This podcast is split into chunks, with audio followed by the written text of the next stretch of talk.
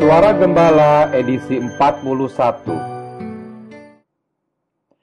Saudara, Rick Warren pernah mengalami dua hal yang bertolak belakang. Pada waktu yang sama, ia sukses besar karena bukunya tercetak hingga 15 juta eksemplar. Namun bersamaan dengan itu, hatinya merasa berat karena istrinya, Kay, terserang kanker.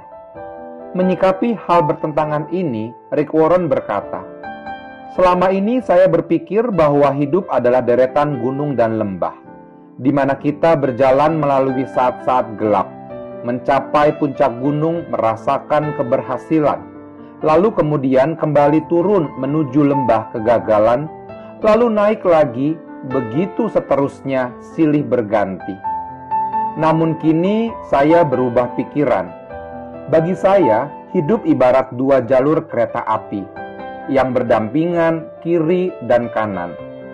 Hal baik dan hal buruk dapat kita alami di saat yang bersamaan. Kalau saat ini Anda merasa sedang duduk di kereta kesuksesan, hidup Anda baik dan segala sesuatu berlimpah, janganlah menjadi takabur.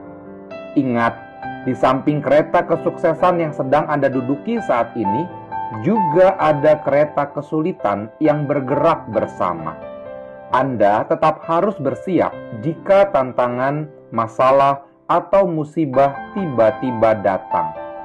Sebaliknya, jika Anda merasa sedang ada di kereta pergumulan, pergumulan dalam ekonomi, pergumulan karena masalah kesehatan, pergumulan dalam relasi di tengah keluarga, dan lain sebagainya, pasti ada hal baik yang dapat Anda syukuri karena kereta kesuksesan dan kereta pergumulan bergerak bersama.